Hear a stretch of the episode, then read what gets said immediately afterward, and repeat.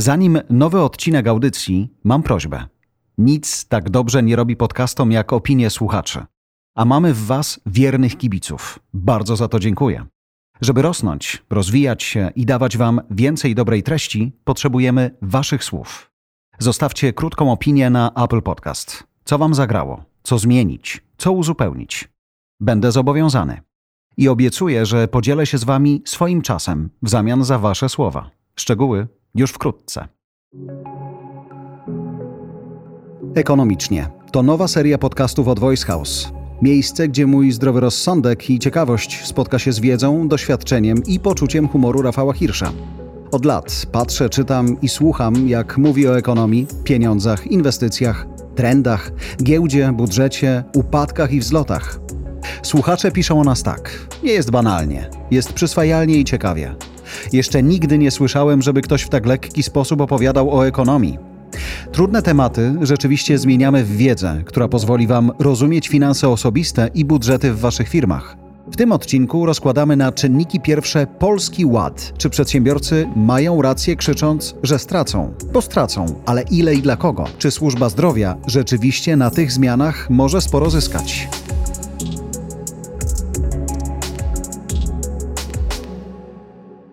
Słuchacze niestety nie usłyszeli wstępu do puenty, którą Rafał przedstawi za chwilę, ale rozkręcał się cudownie. Mówi: Wyliczyłem sobie, ile stracę na, wyliczyłem sobie, ile zyskam na.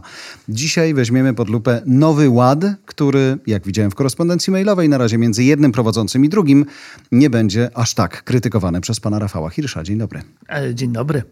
Dlaczego? Panie Jarosławie. Wszystkie media, znaczy, przepraszam, nie wszystkie media, ale przynajmniej te, które obserwują, mówią, nowy ład to jedne wielkie długi na zaś. Co ty myślisz? Naprawdę tak mówią? Mhm. Ja nie widziałem, że długi na zaś. A czemu, że długi na No zaś? teraz wszyscy muszą wy, wyłożyć dużo pieniędzy na to, żeby ten ład sfinansować i siłą rzeczy będziemy musieli się zadłużyć, nie? Nie, ja go sfinansuję. Tak dzisiaj wyliczyłem. Po prostu? Tak, będę miał więcej do zapłacenia państwu. Ale zadzwonił pan Mateusz, mówi tak. Panie Rafale, pan potrafi w ekonomię. Potrzebuje tyle i tyle pieniędzy na Nowy Ład, a Unia Europejska mi nie chce dać. Pan Ale... pomoże. A ty mówisz, że nie ma sprawy, Mateusz zawsze. Ale nie, no, Unia Europejska to i tak nie daje na Polski Ład, tylko te pieniądze z Unii Europejskiej to mają iść przede wszystkim na inwestycje, y, zielone inwestycje, tam elektromobilność, tam jest bo rozumiem, że chodzi o ten fundusz mm, odbudowy, tak, no to tak. tam jest od myślników bardzo precyzyjnie wyliczone, na co to ma iść. No nie, Rafał, ale jest coś takiego, że jakby znaczy, Polski PiS Ład... To, PiS to no bardzo sprytnie PR-owo powiązał jedno z drugim. Tak, na billboardach widzimy, jak ile kasy ma z tego PR-u, to no. je, pieniądze z Unii to pieniądze z Unii, a Polski Ład to Polski Ład. No, Polski Ład nie będzie musiał być finansowany z Unii Europejskiej, z pieniędzy Unii Europejskiej, ponieważ de facto z punktu widzenia państwa wcale nie będzie jakiś strasznie kosztowny, ponieważ z jednej strony y, Spadną oczywiście wpływy do budżetu y, z podatku PIT, y, bo rośnie kwota wolna od podatku i, rośnie, i ten próg zostanie podniesiony, mhm. prawda? Bo tam jest próg podatkowy, bo mamy dwie stawki. Natomiast oczywiście wzrosną wpływy ze składek do NFZ-u, bo już nie będzie można tych składek odliczać od tego podatku. Więc per saldo i tak y, y, dla ludzi będzie lepiej, a dla państwa gorzej, czyli państwo to trochę będzie kosztować, ale to jest skala tam wiem, kilku miliardów złotych rocznie, więc to naprawdę to nie jest jakaś zmiana sejsmiczna, więc tam saldo ogółem w pierwszym roku to jest 8,5 miliarda złotych, a w drugim roku niecałe 10 miliardów, 77 miliardów w ciągu 10 lat. Taki jest, taka jest skala ubytku dochodów po stronie, po stronie państwa. No to Kaman 8,5 miliarda w ciągu roku to jest mniej niż 1% PKB. W ogóle, ja też widzę, że moja żona mówi, stracisz 8,5 miliarda, w ogóle mnie to nie rusza. Znaczy, jakbyśmy patrzyli na, e, jakbyśmy patrzyli na cały ten temat e, od strony właśnie tego salda, mhm. to właściwie nie ma tego tematu. No bo Co to jest 8,5 miliarda? No, to, jest, to, jest, to są wpływy z VAT-u z niecałego, miesiąca, z niecałego miesiąca. I jak no. nikt nie oszukuje. Tak, z dwóch, trzech tygodni. No to więc to w skali państwa to nie jest. No dobra, a y, powiedz... To nie jest jakiś wielki ciężar. Y, oczywiście, gdyby nie było tej tego myku z, ze składką do NFZ-u, to wtedy ten ubytek po stronie państwa byłby większy. No ale w związku z tym, bo, bo to się, to, to saldo 8,5 miliarda bierze się z tego, że budżet traci ponad 7 miliardów, samorządy tracą prawie 14 miliardów, Słusznie. dwa razy więcej. Samorządy nie są nasze, niech tracą. Natomiast y, składki do NFZ-u przybędzie ponad 12 miliardów. To- to- to- Więc bez tej składki to faktycznie y, to ten ubytek już byłby trochę większy, to byłoby jakieś 20 miliardów rocznie, y, czyli połowa 500 plus, kos- kosztów 500 plus rocznych, bo 500 plus tam koło 40 kosztuje rocznie miliardów. Natomiast no, ten NFZ y, ratuje to, ratuje w cudzysłowie oczywiście y, od tej strony finansowej. To ja zapytam, jeżeli masz tak pięknie to wszystko policzone, dlaczego samorządy stracą tyle? Albo inaczej, dlaczego samorządy mają finansować polski cudowny ład? O, zobacz, no nam tak ładnie wyszło, bo przeszliśmy od, od razu do, do tego, co moim zdaniem jest największym problemem Polskiego Ładu. Myślałem, że tak to y, pogadamy najpierw o tym, że w mediach krytykuje się ten Wrócimy Polski Ład z tego. różnych powodów, moim zdaniem zupełnie niesłusznych. Niektórzy politycy wręcz mówią, że y, wzrosnie, wzrośnie poziom opodatkowania dla ludzi, co jest kompletną nieprawdą. Dla większości ludzi poziom opoda- o- podatki spadną. Dla, chyba, że ktoś jest przedsiębiorcą, no to wtedy on zapłaci więcej, ale większoś ludzi jednak nie jest To przedsiębiorcami. do tego prawda? wrócimy za chwilę. Pogadajmy o samorządzie. Natomiast Mówisz, głównym problemem oni... jest właśnie rozłożenie tego ciężaru finansowego yy, i spora część tego, tego ciężaru yy, jest na barkach samorządów, które właściwie yy, Niby to też jest sektor publiczny i niby to też jest państwo, natomiast jest ogromna różnica między prowadzeniem polityki finansowej przez rząd, który ma znacznie więcej swobody i ma bank centralny i może nakładać różnorakie podatki, jakie sobie tylko wymyśli, państwo może to uchwalić, pomiędzy rządem, a samorządem, który też jest niby sektorem publicznym, ale ma znacznie mniejsze pole manewru, ma znacznie mniej źródeł dochodu yy, i w ostatnich latach jest coraz bardziej właściwie zależny finansowo od tego, co rząd mu da, tak naprawdę. Yy, I tutaj mamy kolejny przykład na to. Z jednej strony ta reforma podatkowa uderzy w samorządy. Dlaczego uderzy? Dlatego, że ona polega na tym, że zmniejszą się wpływy z podatku PIT. A wpływy z podatku PIT są rozkładane między budżet państwa i samorządy, więc samorządy na tym tracą. Budżet państwa y, z drugiej strony zarobi na składkach z NFZ-u, bo nie będzie musiał dopłacać do NFZ-u, bo NFZ będzie miał wyższe składki, więc budżetowi państwa to wychodzi na remis. No ale składki z NFZ-u nie idą do samorządów, więc samorząd zostaje na lodzie w tym momencie i powstaje duży problem z tym, co zrobić z finansami samorządów, bo oczywiście nikt z nich nie zdejmuje tych wszystkich obowiązków, które mają i może to się, jeśli to zostanie y, tak, bez żadnej korekty, tak jak jest teraz w tych projektach, no to może się to odbić w ten sposób, że po pierwsze samorządy będą miały zdecydowanie mniej pieniędzy na inwestycje, a spora część tego krajobrazu, który się zmienia w miastach, w gminach, w małych miastach, to jest zasługa finansowania ze strony samorządów właśnie, które finansują te inwestycje, często wspierają się pieniędzmi z Unii Europejskiej, ale trzeba mieć na wkład własny, więc będzie tego mniej, więc może być mniej inwestycji, więc to oznacza, że po prostu to otoczenie, w którym żyjemy, będzie się zmieniać na lepsze wolniej niż do tej pory. To po pierwsze. A po drugie, samorządy będą pewnie szukały innych źródeł dochodów, żeby no, troszeczkę złagodzić tą sytuację, co oznacza, że mogą, nie wiem, podnosić czynsze przedsiębiorcom, na przykład za lokale, tak, komunalne, albo różnego rodzaju innego, innego rodzaju opłaty wprowadzać. To znaczy mogą po prostu próbować e, zwiększać swoje dochody gdzieś indziej, co też będzie niekorzystne dla tych wszystkich, którzy mieszkają na terenie tych samorządów, tak, w gminach czy tam w miastach. Więc od tej strony to jest bardzo poważny y, problem. Y, Trudno sobie wyobrazić, żeby państwo zbankrutowało, jak ma duży rozdziew pomiędzy dochodami a wydatkami, bo no, mówiliśmy o tym wielokrotnie. Można sobie dodrukować te pieniądze, można w, ro, robić różnego rodzaju sztuczki finansowe. Naprawdę jest bardzo szerokie No, no, pole poczekaj, manewru, bo- a rynek finansowy jest bardzo wyrozumiały i to wszystko rozumie.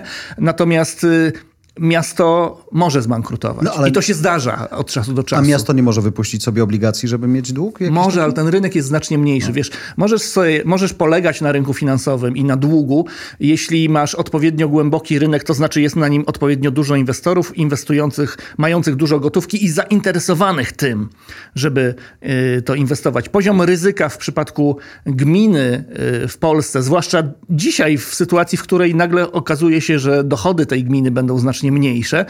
Poziom ryzyka tam jest znacznie większy niż w przypadku takiego emitenta, którym jest państwo i to takie średniej wielkości państwo z rozwijającą się gospodarką. Więc jak ja byłbym inwestorem i szukał okazji na rynku obligacji, no to jednak, przepraszam bardzo, wszystkie miasta w Polsce wolałbym jednak obligacje Skarbu Państwa niż obligacje Wrocławia, Poznania czy Warszawy. A jeśli już miałbym się decydować na obligacje Poznania, no to jednak ten Poznań musiałby mi więcej odsetek zapłacić niż minister finansów, co oznacza wyższe koszty dla tego miasta. I tutaj też trzeba przeliczyć, czy to się zawsze opłaca, bo można też się wpędzić y, w pułapkę, prawda? Y, zainteresowanie obligacjami państwowymi i rynek na te obligacje jest tak duży, że zawsze możesz sobie ten dług zrolować, czyli zapłacić za stare obligacje, wypuszczając nowe. nowe. Mhm. To się prawie zawsze sprawdza. Naprawdę trzeba bardzo mocno zasłużyć swoją głupią polityką, żeby wpędzić się w takie kłopoty, że nie da się z tych obligacji zrolować. To się raz na jakiś czas zdarza na świecie,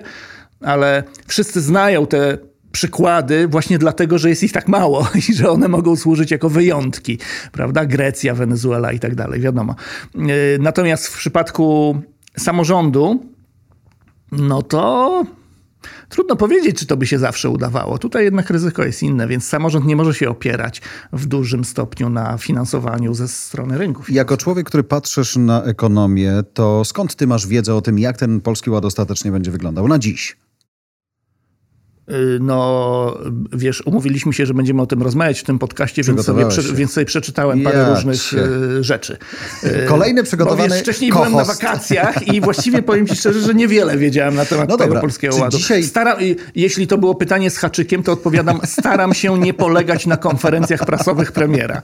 Bo to... wiem, że to, co potem jest w przepisach, a to, co on mówi na początku, to są bardzo często dwie zupełnie różne rzeczy. Ale zobacz, dzisiaj jak popatrzysz na różne organizacje przedsiębiorców, to one mówią e, źle o Polskim Ładzie. One mówią, że nawet jak popatrzysz na byłą wiceminister, która wyleciała z rządu za to, że szczerze powiedziała, że to jest uderzanie w e, klasę, która jest przedsiębiorcza i daje sporo gotówki do, do, do budżetu państwa, no to e, larum niesie się głośno, a ty piszesz, podatki maleją, a nie rosną.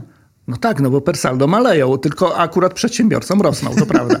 E, natomiast pani wiceminister zdaje się, że powiedziała gdzieś tam w mediach, że, że większość Polaków na tym straci, co już jest absolutną nieprawdą. Większość przedsiębiorców może tak, chociaż nie wiem, czy większość. Mhm. E, z tego, co zapowiadają rządzący, chociaż na razie tylko o tym mówią, a nie ma tego jeszcze na papierze, to też jest duża wada, że wprowadza się tak dużą reformę, bo to jest naprawdę duża reforma, wprowadza się ją, zapowiada się ją, dużo się o niej mówi, nie mając na papierze że dokumentów. I te dokumenty pojawiają się po dwóch miesiącach, bo teraz już są projekty ustaw, i jak się te dokumenty pojawiają, to dalej się mówi, no ale trzeba będzie jeszcze tutaj uzupełnić. Więc dalej nie masz pewności, czy to tak zostanie. Czyli dopiero po nocnym głosowaniu będziesz wiedział, jak to będzie wyglądało. No tak, tak. No, bo do mhm. ostatniego momentu pewnie nie będzie wiadomo, bo to jest taka sytuacja, że ja, to mnie dotyczy, tak? Bo ja prowadzę, tak. ja prowadzę działalność gospodarczą jednoosobową, ja jestem dokładnie w samym środku tej grupy, która dostanie w skórę najbardziej tymi I, zmianami. I dzisiaj przychodzisz i mówisz, no i co z tego w sumie?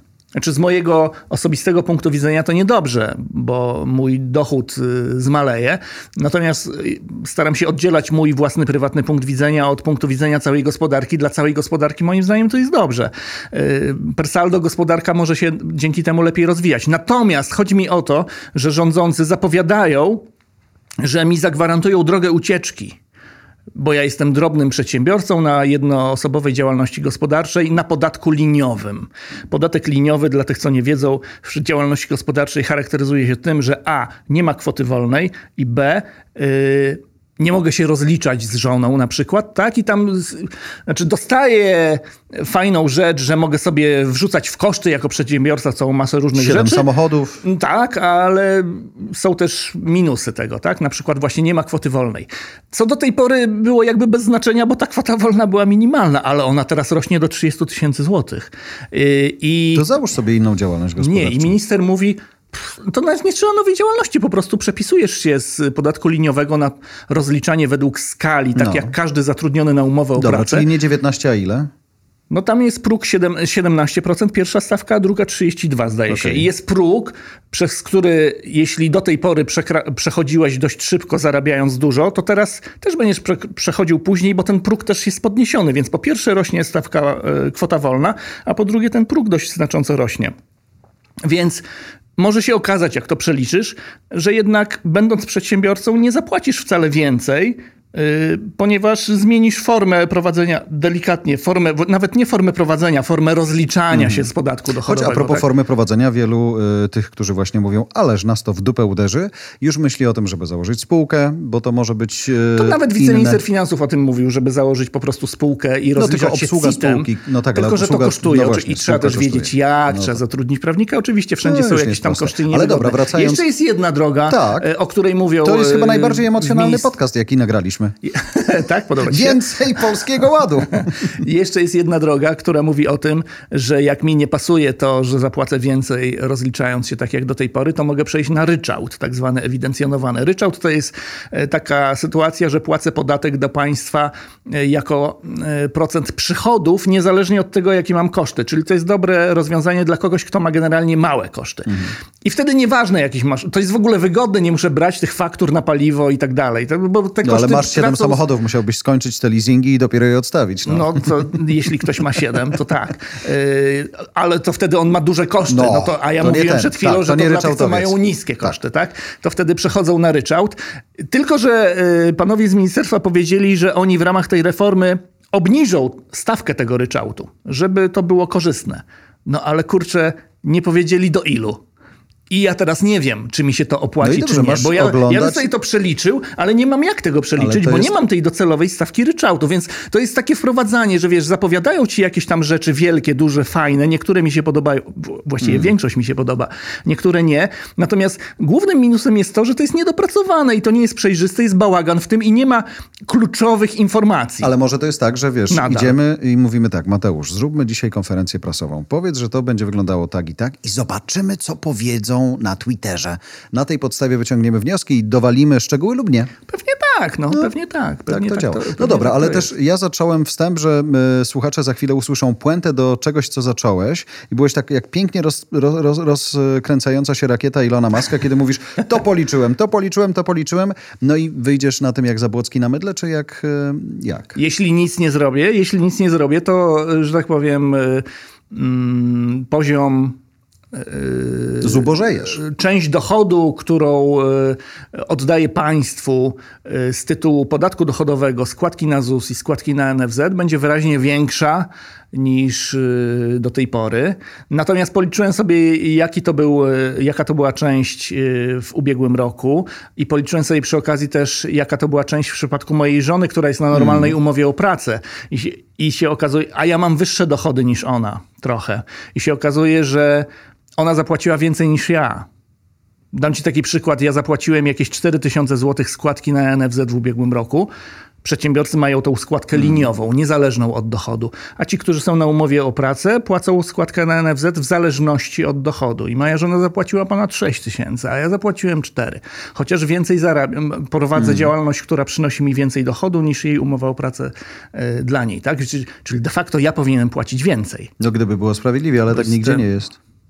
Nie no, wiesz co, w, cywilizowa- po polskim w cywilizowanych będzie. państwach tak jest. Gdzie? Istnieje, istnieje tak zwana progresja podatkowa, mhm. która, bo są trzy trzy filozofie płacenia trzy filozofie. Podatków, Pierwsza tak. filozofia jest taka, że jest progresja podatkowa, czyli że im więcej masz dochodu, tym więcej płacisz podatku, nie tylko w złotych, ale też procentowo więcej, tak? I ta filozofia jest oparta o ideę sprawiedliwości społecznej, że trzeba wspierać tych biedniejszych, że trzeba e, robić redystrybucję od tych bogatszych mhm. do tych biedniejszych i że to generalnie tym bogatym też pomoże, jak ten biedniejszy będzie miał więcej pieniędzy, bo wtedy pójdzie do sklepu tego bogatego, więcej wyda pieniędzy w jego sklepie i to się wszystkim opłaci, gospodarka się lepiej kręci. Druga idea jest taka, że jest podatek liniowy, czyli że wszyscy płacą tyle samo procentowo, czyli ktoś jest bogatszy, płaci więcej, ale w procentach tyle samo, co ten biedniejszy. I to też można zrozumieć, mam mhm. wrażenie, tak? To jest ok. Natomiast jest jeszcze trzeci model, który moim zdaniem jest paranoiczny i on jest w Polsce. Czyli taki, że im więcej zarabiasz, tym mniej płacisz. I moim zdaniem tego się nie da wytłumaczyć. To jest bez sensu kompletnie. Znaczy ja y, mam wyższe dochody niż moja żona i płacę mniej niż ona. Prezes firmy płaci niższe podatki niż sprzątaczka w tej firmie. To są takie pod publiczkę przykłady, ale to się do tego sprowadza. Się tak? kliknie, ale teraz powiedz, to jest historyczny błąd, tak? Czy to jest historyczne ułożenie? Nie, no to jest od wielu lat oczywiście. No właśnie, to dlaczego nikt nie chce tego mądrze odkręcić? Albo nie ma pomysłu, nie ma odwagi, nie ma no to śmiałości. Właśnie, no, no, ale A to Polski widzisz, Ład to widzisz, co się dzieje po stronie pracodawców. z paranoją? Widzisz, co się dzieje po stronie organizacji pracodawców, jak oni strasznie w tym momencie krzyczą, jaka się wielka krzywda dzieje. Ta krzywda de facto polega na tym, tylko na tym, że nagle się okaże, że ja zarabiając więcej od mojej żony, zapłacę też więcej podatków niż ona. Trochę więcej. Mhm. Czyli właściwie y, cała ta zmiana polega na skasowaniu pewnej patologii, która istnieje w systemie podatkowym. Patologii polegającej, mówiąc wprost, na tym, że ci, którzy prowadzą działalność, mają liniową składkę zdrowotną, a teraz już ona nie będzie liniowa, tylko będzie zależna od ich dochodów. Dokładnie tak samo, jak to jest w przypadku wszystkich ludzi zatrudnionych na umowę do pra- o Wytłumacz pracę. mi, prostemu przedsiębiorcy, ale też prezesowi ze dwóch spółek. E, Dlaczego ja mam e, płacić e, na składkę zdrowotną więcej niż jakby proporcjonalnie do moich przychodów, No, tak? E, Kiedy i tak... e, Nie korzystasz ze służby Na przykład i, i, i mam, nie wiem, mogę wpaść w każdej chwili do prywatnego lekarza. Będziesz tak do końca życia robił? Nie, pewnie nie, tylko zastanawiam się, właśnie. dlaczego tutaj ta służba zdrowia, ta składka zdrowotna jest właśnie tym czymś, co Wiesz- zostało wiesz, w Polskim co Ładzie wyko- na co- wykorzystane, żeby, żeby to... Nie no, wiesz co, sorry, No. ale to jest pytanie trochę dziwne. Rok po pandemii koronawirusa. Znaczy pytasz, dlaczego potrzeba Ale więcej to pieniędzy na nie, bo służbę nikt nie zdrowia? powiedział przy Polskim Ładzie, słuchajcie, mamy doświadczenia ostatniego roku, potrzebujemy więcej pieniędzy na służbę zdrowia, więc dlatego teraz ty, przedsiębiorco, złożysz się na to, żeby było więcej Tak, pieniędzy. tak. Nikt I tego to nie jest powiedział. błąd nie? w komunikacji, moim zdaniem. Gdyby Tak tak, było, tak to ja bym zupełnie inaczej to po- podchodził do tego. Rozumiem, widzę braki i wstyd mi za moje państwo, że ratownicy medyczni do ostatniego dnia nie wiedzą, ile będą musieli wystawić faktury. Nie? Tak, powinni tak powiedzieć. Tak, zgadzam się z tobą. Ale jeśli to w ogóle jest Nie ten wiem, argument, bo może w ogóle nie jest, wiesz, Rafał, Nie może wiem, to wcale nie jest mówią. ten argument, że to, to po to. Wiesz co, no ja chcę wierzyć, że to jest ten argument, chociaż faktycznie nikt o tym nie mówi głośno i moim zdaniem to jest duży błąd i przez to rząd ma takie kłopoty w postaci, że, że absolutnie fantastyczny sondaż się pokazał. Wczoraj był w RMF-ie i w Dzienniku Gazecie Prawnej yy, o tym, czy uważasz, pytanie Tak. do przeciętnego Polaka, czy uważasz, że zyskasz na zmianach podatkowych w Polskim Ładzie? Nie. I 55% mówi, że nie. No nie, ale bo... Ale 80% zyska. 10% straci, 10% bez zmian. I 55% ludzi mówi, że nie. Są dodatkowe pytania. Czy uważasz, że podniesienie kwoty wolnej od podatku jest dobre? 80% mówi, że tak, to jest dobre. Czy uważasz, że podniesienie progu jest dobre? 60% mówi tak, to jest dobre. A czy uważasz, że na tym skorzystasz? Nie. Nie. Masz 38 milionów logicznie myślących ludzi w A wiesz, Polsce. co jest no. jeszcze jedno super? Yy, yy, W tych, potem ci, którzy robią te badania, oczywiście tam analizują różne cechy tych ludzi, którzy odpowiadają. I zapytali się ich o poglądy polityczne. I na pytanie, jak, jak pytasz yy, zwolenników PiSu, czy, zmia- czy skorzystasz na zmianach y, z polskim, w Polskim Ładzie? Y, 85 czy ponad 80% mówi, że tak. Jak pytasz się zwolenników Lewicy i Ko- y, Koalicji Obywatelskiej, 85% mówi, że nie. Słuchaj, pogląd na to, jak wyglądają y, korzyści i straty ze zmian podatkowych, liczby, matematyka, pogląd na ten temat zależy Od wyznania politycznego. od wyznania politycznego. I to wygląda z tych badań, że to w 100% Ale to- tylko od tego I zależy. to jest najlepszy dowód na to, gdzie A to żyjesz. polityka nam zjadła matematykę w tym kraju no. w tym no, momencie. tak, tak, ale to nie pierwszy rok. No. Za chwilę wrócimy do audycji. Pamiętajcie, że Voice House to miejsce, które angażuje różnymi podcastami. Polecamy się.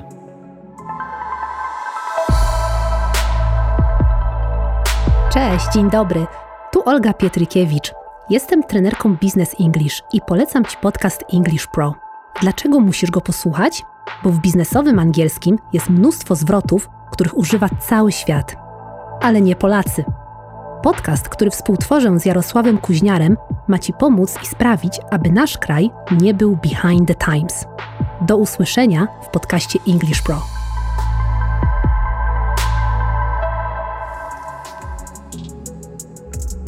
Wracamy do audycji. Ale zobacz, powiedziałeś, że to jest paranoiczny system, który funkcjonuje w Polsce, poza tymi dwoma, które są w miarę logiczne, funkcjonują na świecie. I y, czy masz takie poczucie, że jak uda się przegłosować Polski Ład, to tej paranoi będzie e, podatkowo mniej? Będzie mniej, ale to nie znaczy, że ona zniknie, bo hmm. pewnie dalej będą jakieś tam paranoje, ale no, liczę na to, że będzie, no. że będzie ich mniej. A no. nawet y, pokazując te przykłady, Wiesz, co można jest, by to zrobić. To jest tak, że rzeczywistość jest skomplikowana. Ignacy Moraski, taki ekonomista, tak. napisał bardzo fajny komentarz, który y, sprowadza się do tego. On napisał tak, że generalnie ta koncepcja, żeby zabrać trochę więcej bogatym i dać trochę więcej biednym, bo to się do tego sprowadza tak mhm. naprawdę, tak? Ta kwota, zwiększenie kwoty wolnej od podatku. Yy, a z drugiej strony podniesienie składki y, na, czy też odebranie możliwości odliczania tego od podatku, czyli to, to oznacza, że tak jakbyś e, podnosił składkę na NFZ y, to będzie netto oznaczać, że ci najmniej zarabiający skorzystają najwięcej, a ci najwięcej zarabiający na tym de facto stracą. I, I, on mówi o tym, że to jest dobra polityka i że to jest właściwy kierunek, ponieważ dzięki temu y, wspierasz całe te masy ludzi, którzy są y, nie zawsze ze swojej winy mało zamożni, czy wręcz biedni, wśród tych ludzi, wśród dzieci tych ludzi są często osoby inteligentne, zdolne, które mogłyby wykorzystać szansę, gdyby ktoś im dał szansę, ale wychowują się w takim otoczeniu, że nie mają żadnej szansy. Tak? Gdyby mieli bogatego wujka, który im coś fundnie, no to okej. Okay. Natomiast w tą rolę musi wejść państwo i wyrównywać te szanse ale z drugiej strony on mówi o tym, że na przykład jeśli chodzi o wyrównywanie szans, to bardzo ważna też jest na przykład edukacja, prawda? I z jednej strony fajnie, że e, są wprowadzane takie zmiany podatkowe, które temu służą, ale z drugiej strony masz ministra edukacji, który jest kompletnym cymbałem w Polsce i tak to wszystko zepsuje na przykład, tak? Dokładnie. Więc z jednej strony masz... Brakowało mi tego słowa i ono chyba nawet idealnie pasuje, bo ono nie jest obraźliwe, ono bardzo, szczególnie w tym przypadku, oddaje rzeczywistość. Tak, i z jednej strony masz y, jakieś tam wysiłki ze strony ministra, bo y, ludzie, mam wrażenie, w tym zacietrzewieniu politycznym mają taką skłonność, żeby postrzegać te bloki polityczne jako takie, takie jednolite bloki, że one są takie zwarte i jednomyślne, co moim zdaniem jest nieprawdą. Mi się wydaje, że y, w łonie rządu jest bardzo dużo różnych poglądów i oni oczywiście, jak ktoś ich przyciśnie do muru, to każdy mówi to samo, natomiast jak oni y, dość spokojnie pracują, to widać, że jednak ciągną to w troszeczkę odmiennych kierunkach. I, I, widać, że Ministerstwo Finansów próbuje tutaj zrobić coś, co moim zdaniem jest czymś pozytywnym, ale z drugiej strony są inni ministrowie, niekoniecznie od czysto gospodarczych spraw w tym rządzie, którzy im to i tak wszystko zepsują, tak? Którzy zepsują edukację w tym kraju, którzy y, spowodują, że ryzyko prawne prowadzenia działalności gospodarczej w kraju nagle staje się tak duże, że inwestorzy zagraniczni się drapią w głowę i się zaczynają zastanawiać, o co tutaj w ogóle chodzi, tak? Bo nagle się okazuje, że y, minister sprawiedliwości mówi, że Polska nie może y, ulegać Trybunałowi Unii Europejskiej, będąc w Unii Europejskiej. Wiesz, są takie... Ale wiesz, co mi się podoba i co tak u ciebie globalnie... szanuję?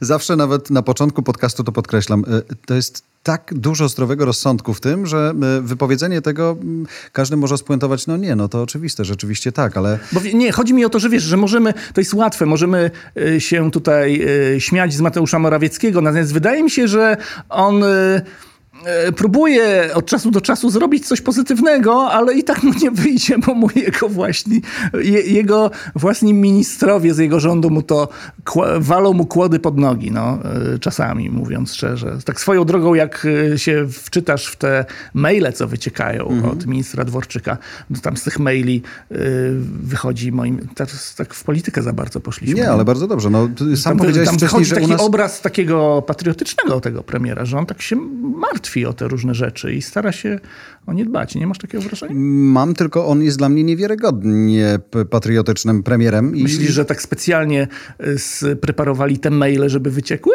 Na Gmailu wszystko jest możliwe.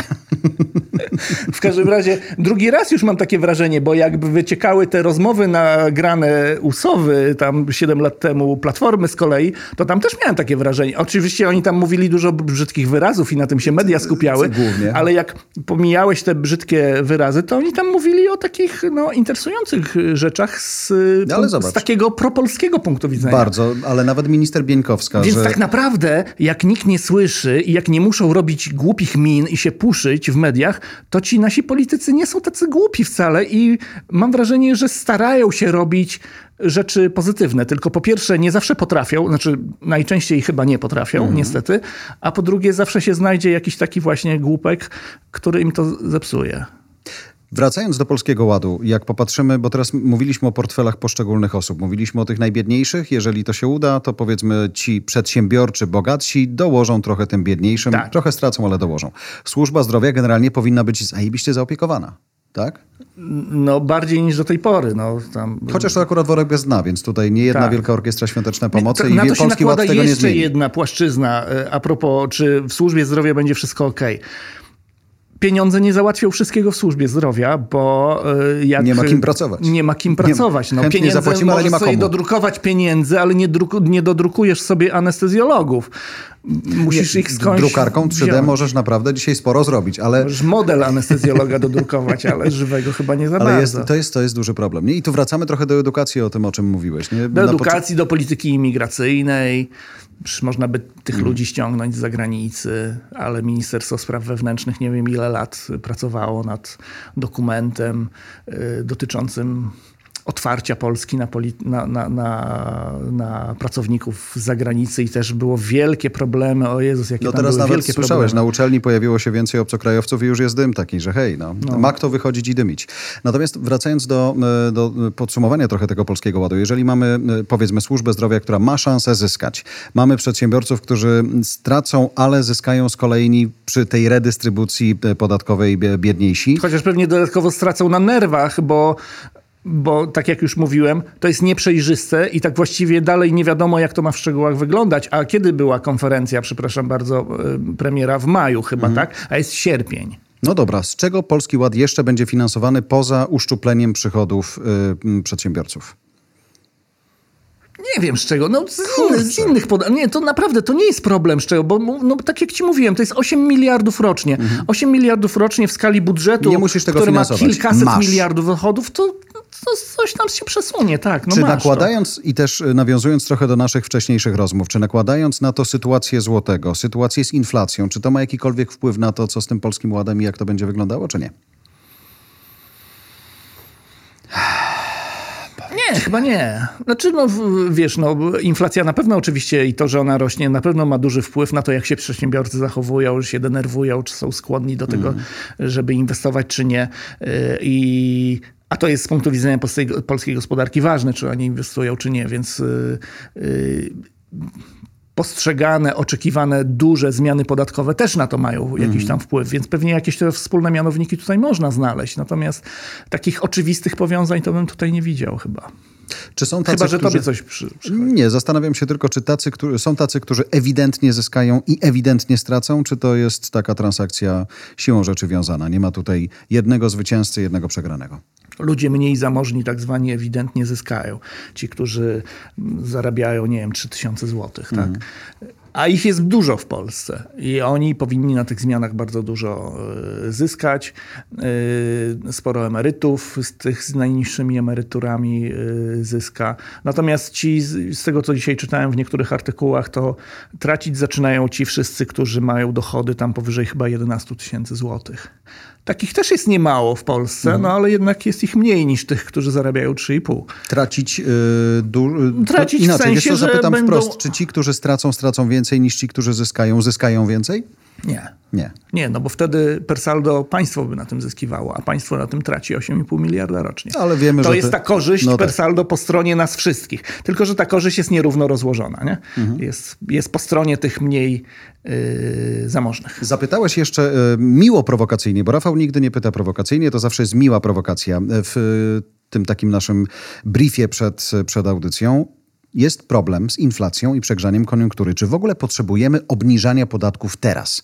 Czy jest w ogóle kiedykolwiek dobry, dobry moment na obniżanie podatków? Bo to jest kolejny argument, który też wyczytałem z kolei u innego ekonomisty, Mikołaja Raczyńskiego z Nobel TFI, y, który popełnił taki fajny mhm. tekst u siebie na blogu na ten temat, który właśnie y, już zostawiając na boku, czy to jest y, dobry pomysł, czy niedobry, on zauważa, że w sytuacji, w której mamy rekordowo niskie bezrobocie i inflację najwyższą od 10 lat, lat.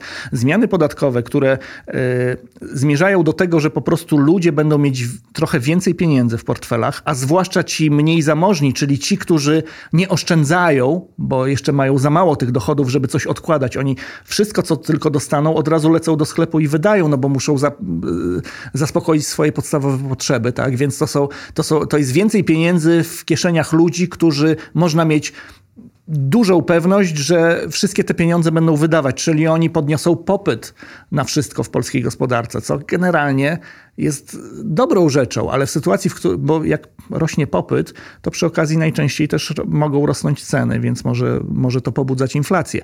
I gdybyśmy ją mieli na poziomie 1%, tak jak 3 lata temu, to to byłaby fajna rzecz. Natomiast przy pięciu gorzej. przy pięciu to może okazać się, że to jest to nie jest clue tej sprawy, ale przy okazji może się okazać, że to jest niepożądany efekt uboczny, że to może dodatkowo podkręcić inflację. Tak, to kiedy te podatki obniżyć, skoro dzisiaj je podwyższymy? No właśnie, to jest takie już filozoficzne Przyjdzie pytanie. Przyjdzie Platforma że... i obniży. Tak, tak. No, no czy kiedy obniżać podatki? No, podatki pewnie, obniżanie podatków jest jednym y, ze sposobów y, niedopuszczania do tego, żeby kraj wpadł w kryzys gospodarczy albo ewentualnie wyciągania go z tego kryzysu. No myśmy byli rok temu w kryzysie, y, na szczęście wyszliśmy z tego kryzysu. Y, już chyba. Te ostatnie różnego rodzaju dane makroekonomiczne pokazują, że mm, będziemy mieć całkiem fajny wzrost gospodarczy w tym roku, jakieś 5%. Zresztą sam wzrost inflacji też jakby pośrednio o tym świadczy. Jakbyśmy byli w kryzysie, to by inflacja nie rosła. Inflacja nie rośnie, jak jest kryzys. Jak jest kryzys, to nie ma popytu na rynku, nikt niczego nie sprzedaje, więc ceny też wtedy nie rosną, bo to szaleniec by w takiej sytuacji podnosił ceny. Więc sam, sam fakt, że inflacja rośnie, też jest jakby pośrednio sygnałem, że w polskiej dobrze gospodarce jest dobrze, miejscami aż za dobrze, tak? skoro te ceny aż tak bardzo y, rosną. Więc y, no, w takich sytuacjach y, można obniżać podatki. Najlepiej się obniża podatki, w których trzeba jakoś tam dać impuls gospodarce. Nie?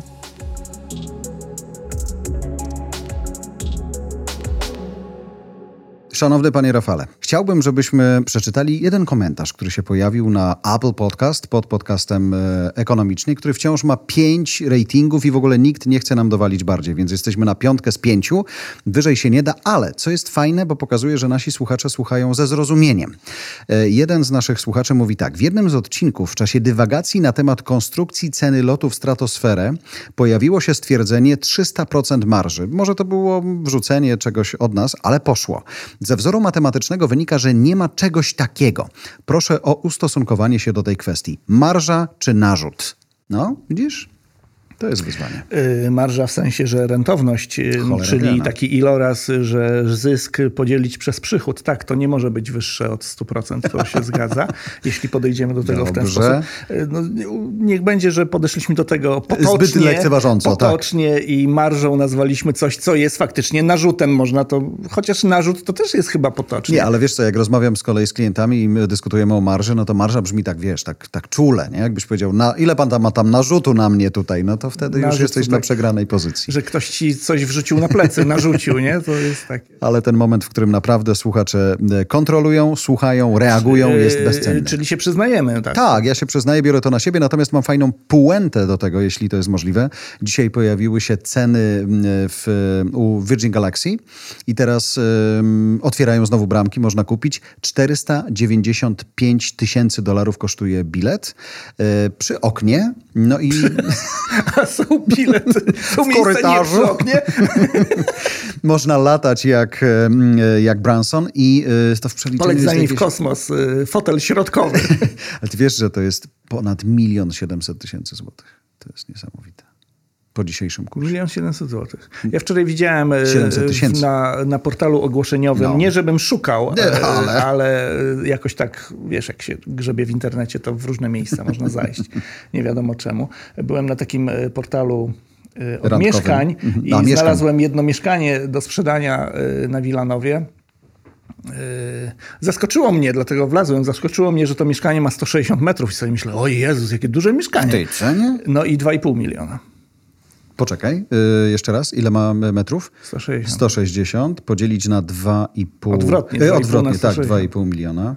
No kilkanaście tysięcy za Podzielić, no to kurczę, co to jest? No, 15 no tak. tysięcy. To średnia cena w Warszawie i to w ogóle z tyłu daleko. No i na zdjęciach wyglądało, że faktycznie luksusowo wykończone, no. fajne. To, że sąsiadowi e... można zupę podebrać ręką przez okno, to nic. Na Wilanowie bywają takie zabudowy, że wiesz, jesteś okno w okno. Właściwie dziecko możesz sobie przekazać. Pani popilnuje chwilę syna, muszę lecieć do sklepu i przekazujesz budynek w budynek. No. Oglądałem to mieszkanie, ponieważ wydaje mi się, mm, że kiedyś... Szukasz kosztów. Nie, że kiedyś taki znany polityk tam mieszkał, e, ale już tam nie mieszka. E, w każdym razie e, tak mi się nawinęło przy okazji mm -hmm. tego biletu w kosmos, bo mówisz, że tak dużo pieniędzy. No wystarczy sprzedać jedno duże mieszkanie w I Warszawie i masz na bilet w kosmos. No. Czyli ceny mieszkań w Warszawie są kosmiczne. Ale można by... W ogóle na rynku budowlanym jest, jest kosmicznie dobrze i buduje się od groma. Ostatnio czytałem taki raport mówiący o tym, że patrząc na całą Europę, w Polsce buduje się mieszkań najwięcej i cały czas ich brakuje. Więc siłą rzeczy, dlaczego te ceny miałyby spadać? mieszkania są z Marsa, a działki z Wenus. Rafał Hirsch, bardzo dziękujemy i do usłyszenia w kolejnym odcinku. Dziękuję za Twoją uwagę. Oceń tę naszą rozmowę. Twoja opinia zostawiona na Apple Podcast pozwala usłyszeć tę audycję większej grupie ludzi. Daj nam 5 gwiazdek i skomentuj. To pomaga się rozwijać. Jeżeli masz pytanie, nagraj je na telefon i wyślij do nas. Wykorzystamy w kolejnym podcaście.